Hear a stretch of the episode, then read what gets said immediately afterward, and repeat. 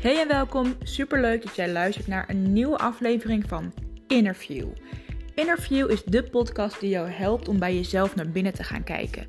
Wie ben je nou diep van binnen? Waar liggen jouw verlangens en hoe kan jij het contact met je innerlijke kind versterken? Waarom dat van belang is? Luister mee. Leuk dat je luistert, aflevering 22. En in deze aflevering ga ik een stuk persoonlijker met je zijn. Ik ga namelijk het met je hebben over de last die ik ervaar aan Indisch zijn. Mijn moeder is geboren bij een Indische moeder en een Nederlandse vader, wat haar half Indisch en mij kwart Indisch maakt. En ondanks dat het maar een kwart is, merk ik toch ontzettend veel patronen, familiepatronen, uit, dat Indische, uit de Indische cultuur, uit de familiegeschiedenis die daarin zit, uit natuurlijk de uh, jappenkampen uit de oorlog. En zit daar ontzettend veel wat ik als last met me meedraag en die ik ook terugzie als last bij vriendinnen die ook Indische voorouders of ouders hebben. En daarnaast heb ik ook even aan een oud-tante van mij gevraagd: ervaar jij ook last hierin? En zij bevestigde ze eigenlijk precies de dingen waar ik ook tegenaan loop. En toen dacht ik: er zijn vast heel veel meer mensen die te maken hebben met andere generaties, die uit andere culturen komen, of die zelf uit een andere cultuur komen. En daarin misschien ontzettend veel lasten dragen, familielasten dragen die niet van hun zijn, of patronen zien in familie die niet helpend zijn, waar ze van los willen breken. En die dan misschien iets kunnen hebben aan deze podcast en aan mijn ervaring. Het gaat niet een heel uh, gestructureerd verhaal worden, denk ik, want normaal gesproken schrijf ik uit wat ik wil doen. En ga ik daarmee aan de slag. En nu ga ik het gewoon lekker uit mijn hoofd doen. Want ik denk dat ik dan het meest bij de kern kom. Het meest bij mezelf blijf. En op die manier het meest helpend kan zijn.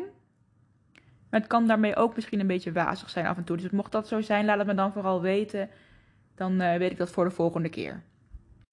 Het is namelijk gewoon een feit dat iedere familie een eigen dynamiek heeft. En de buitenkant ziet er soms gewoon gezellig uit. Hartstikke gezellig, al die Indo's bij elkaar. Lekker eten, muziek, helemaal prima. En toch kunnen daar hartverscheurende ervaringen van je voorouders bij zitten die jou en hun in de greep houden.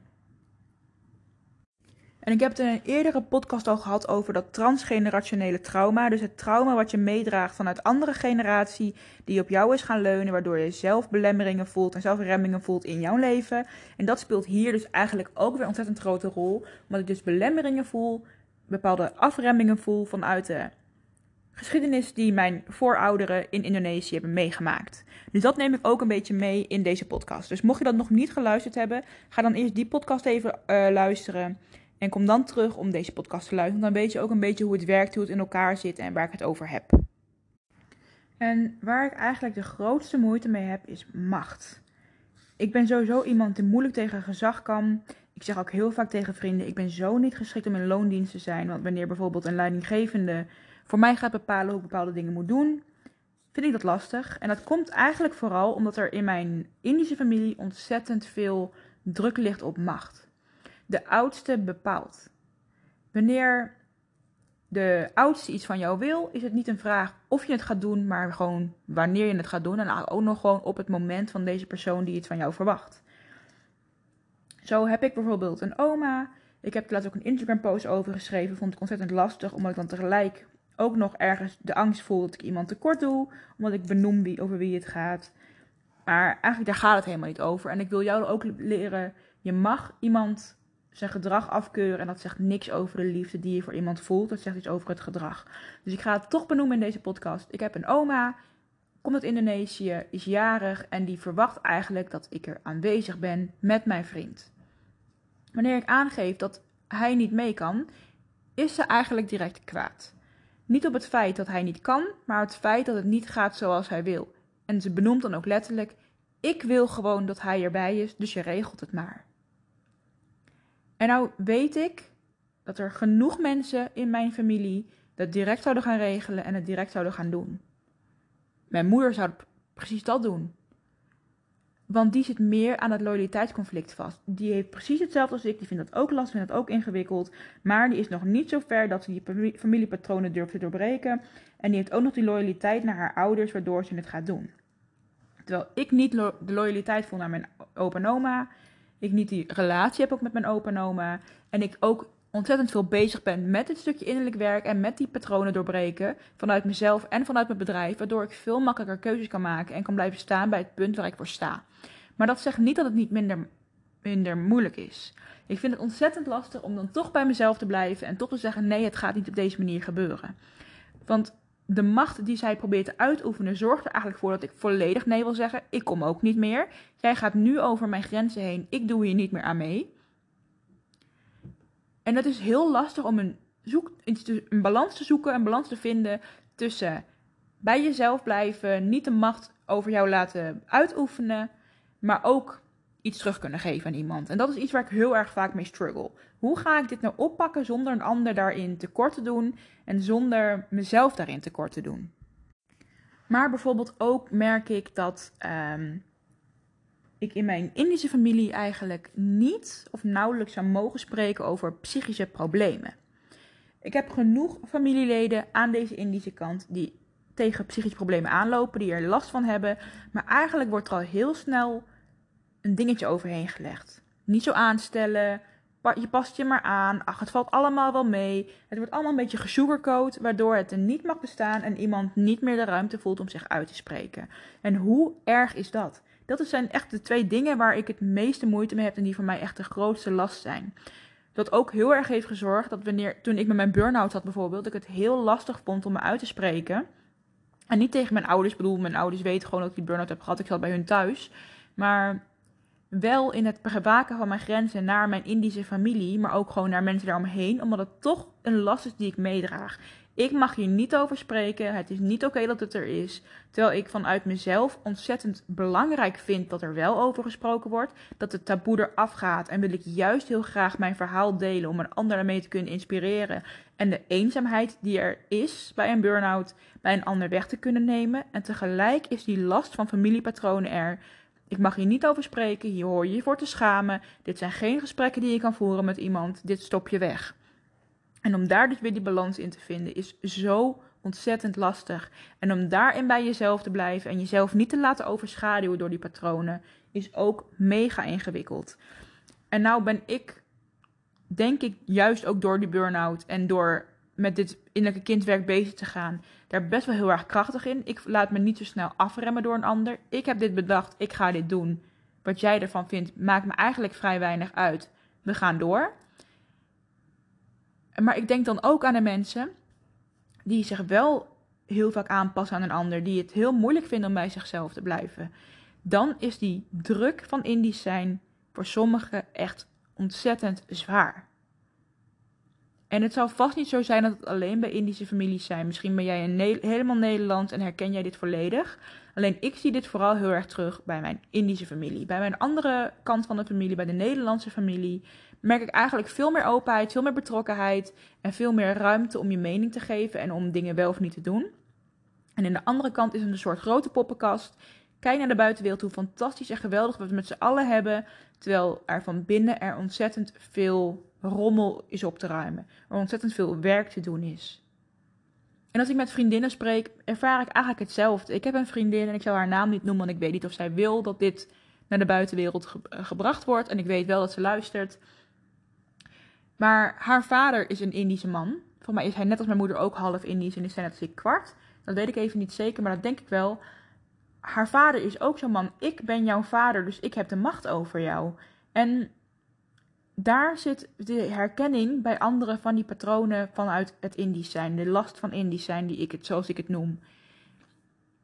En het feit dat dat dus niet alleen bij mij is, maar dat dat dus bij haar is, maar ook bij mijn oud-tante, bij andere vrienden en bij andere mensen die ik ken die Indisch bloed bij zich dragen. Dat het daar allemaal zit, zegt mij iets over de, familie, over de geschiedenis. Misschien is dit niet per se iets wat een familiepatroon is, maar is het meer iets wat vanuit het collectief komt. Een collectief trauma is het trauma van het land. Je moet jezelf staande houden door macht. En ik snap ergens wel, als ik dan terug ga denken aan de geschiedenis over de Jappenkampen. Daar ben je natuurlijk de volledige controle over je eigen leven kwijtgeraakt. Daar was het niet prettig. En dus had je, toen je de ruimte weer kreeg, macht nodig om staande te blijven. Je had macht nodig om in te kunnen overleven. Maar dat is nu niet meer aan de orde. En zo zetten ze het nog wel steeds in. En daarom hamer ik zo ook zo op dat hele van je innerlijke kind. Want wanneer je dat doet, kan je volledig loskomen hiervan. En zorg je er in ieder geval voor dat de generatie na jou niet meer deze druk voelt, deze lasten voelt, deze ervaringen heeft. Daarom vind ik het zo belangrijk dat ik hier zelf ontzettend hard mee aan de slag ga. Dat ik jou er ook in kan helpen. Want ik durf met zekerheid te zeggen, ik ben, nog ben niet 100% geheeld, maar wel al dusdanig ver dat ik jou kan ondersteunen. Ik heb genoeg erin te leren. Ik herken de patronen, ik durf ze te doorbreken, maar wel met moeilijkheden. Hoe fijn zou het zijn dat ik op een punt kom dat ik het met volledig vertrouwen kan doorbreken en er niet meer over twijfel of het spannend vind of er uh, druk achter voel. Ik vind dat er namelijk te weinig aandacht wordt gegeven aan culturele verschillen. En daarmee bedoel ik niet in het algemeen, maar als ik bijvoorbeeld kijk naar innerlijk kindwerk, naar uh, innerlijke kindtherapie, is het vooral heel erg gericht gewoon op de mens, maar niet op de cultuur. En juist dat culturele verschil kan zoveel verschil maken. Want wanneer jij weet uit welke cultuur iemand komt en welke geschiedenis er aanhangt, kan je ook veel sneller zien of iets een patroon is of iets niet. Mensen die bijvoorbeeld eventjes met een andere cultuur mensen die van Joodse voorouderen komen. Die dragen hele andere geschiedenis met zich mee. Door de oorlog, door de concentratiekampen. Dan mensen die dat niet zijn. Er zitten weer hele andere invloeden in. En hele andere patronen in. Er zitten angsten in vanuit de oorlog die jij hebt kunnen overnemen. En vanuit daar kan er zoveel meer geheeld worden omdat je oog hebt voor de cultuur, voor de afkomst, voor het zijn.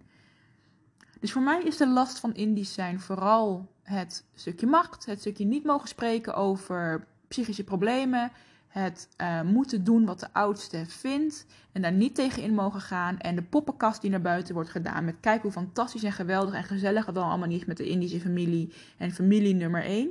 Terwijl ik dat niet helemaal geloof. Want hoezo is familie nummer 1 als er geen oog is voor de psychische problemen van iemand? Waarom is familie nummer 1 als één persoon bepaalt hoe de rest allemaal zich moet gedragen of wel of niet aanwezig moet zijn. En op welke manier. Het feit dat daarin eigenlijk een tweedeling zit, maakt voor mij dat ik niet zo geloof in die hoera gezelligheid in de Indonesië, hoera lekker met z'n allen een Indo-feestje. En de cultuur brengt ook hartstikke mooie dingen mee en de familiepatronen brengen ook hartstikke leuke dingen mee. En dat is helemaal prima, want juist doordat Indische families zijn altijd samen ding is er misschien ook veel meer saamhorigheid. Maar is die saamhorigheid er dan vanuit wil of vanuit onderdrukking en macht? En dat vind ik een ontzettend interessant thema om uit te, uit te werken. Daar ga ik me ook even wat meer in gaan verdiepen. Dus mogelijk zien jullie daar nog wel wat meer van. Maar ik weet ook helemaal niet zo goed waar ik nou heen wil met deze podcast en wat ik nou precies allemaal aan het vertellen ben. Maar ik, heb, ik had wel even de behoefte om dit te bespreken, om hier een aflevering over te maken. En ik merk dat ik heel erg zoekende ben in wat ik nou eigenlijk aan het zeggen ben. En wat mijn boodschap nou eigenlijk is. En toch ga ik hem wel gewoon plaatsen. Want jullie mogen ook mijn struggles horen. En jullie mogen ook mijn zoektocht meekrijgen. Want het gaat natuurlijk heel erg om jou. Maar jij mag ook daarin weten dat ik ook mens ben en dat ik ook mijn struggles heb en ook mijn zoektochten heb en ook patronen heb waar ik van los mag breken en dat ik daar ook moeilijkheden in ervaar en dat ik geen een of andere supermens ben die jou precies gaat vertellen hoe het moet en het zelf allemaal fantastisch doet. Dat is niet waar. Ik ben ook een mens, ik ben ook emotioneel, ik ben ook op zoek naar de bevestiging van een ander. Niet meer zoveel als het was, maar dat blijft er denk ik altijd een klein beetje in zitten en dat is helemaal prima. En dat wil ik je ook laten horen. En ik ben heel erg benieuwd of jij nou ook bijvoorbeeld Indisch bloed hebt en je herkent dit. Of je hebt nog andere dingen waarvan je denkt van... hé, hey, dit vind ik nou eigenlijk ook echt een typisch familieding... wat niet per se positief is. Of misschien juist wel heel erg positief is. Vanuit dat Indische cultuur, vanuit die Indische leefstijl. Laat het me dan weten, want ik weet dat er een... Um, instelling is die familieopstellingen doet voor alleen Indische mensen. En dat bedoelen ze niet alleen mensen met Indisch bloed. Dat kan ook zijn dat je partner Indisch is, of dat je grootouders hebben gevochten in de oorlog of in het knil. En um, dat betekent dat er heel veel vraag naar is, want anders, anders bestaat het niet. Dat er heel veel mensen zijn die met deze achtergrond lopen, die tegen moeilijkheden aanlopen. Dus ik ben heel erg benieuwd. Waar loop je tegenaan? Zijn er herkenpunten in mijn verhaal? Kan ik me herkennen in jouw verhaal? Welke dingen kunnen wij gaan doen om te voorkomen dat wij dit weer doorzetten op onze kinderen en op onze kleinkinderen? Hoe kunnen wij zorgen dat deze lijn stopt zonder onze afkomst af te duwen? Dat lijkt me heel interessant. En mocht je nou willen weten wat, die, ehm, wat, het bedrijf is dat vooral instelling, voor opstellingen doet voor Indische mensen en mensen met Indische afkomst, dat is indoroots.nl. Ik ga het ook even in de beschrijving zetten hiervan. Uh, en mocht je dat dan een keer gedaan hebben, dan zou ik helemaal graag van je willen horen. Want ik ben ook aan het overwegen om dat zelf een keer te gaan doen. Om eerst een keer als representant mee te kijken en misschien later een keer als vraaginbrenger. Want ik vind het ontzettend interessant om te, te zien hoe dat werkt, hoe cultuur doorgaat van generatie op generatie, hoe cultuur bepaalde patronen kan losmaken en hoe wij ons daarvan los kunnen breken zonder onze cultuur de rug toe te keren. Ik hoop dat deze weerwar van woorden en hersenspinsels en dingen waarvan ik eigenlijk zelf helemaal niet helder heb wat ik nou eigenlijk echt verteld heb, toch een beetje duidelijk was. Of dat je in ieder geval iets van geleerd hebt over mij of over de dingen waar ik tegenaan loop of over jezelf. Dat is allemaal prima. En in ieder geval bedankt voor het luisteren. En bedankt dat je niet afgehaakt bent. En tot de volgende aflevering. En ik zal je beloven dat die wat meer gestructureerd is en wat duidelijker is en een nuttigere boodschap heeft.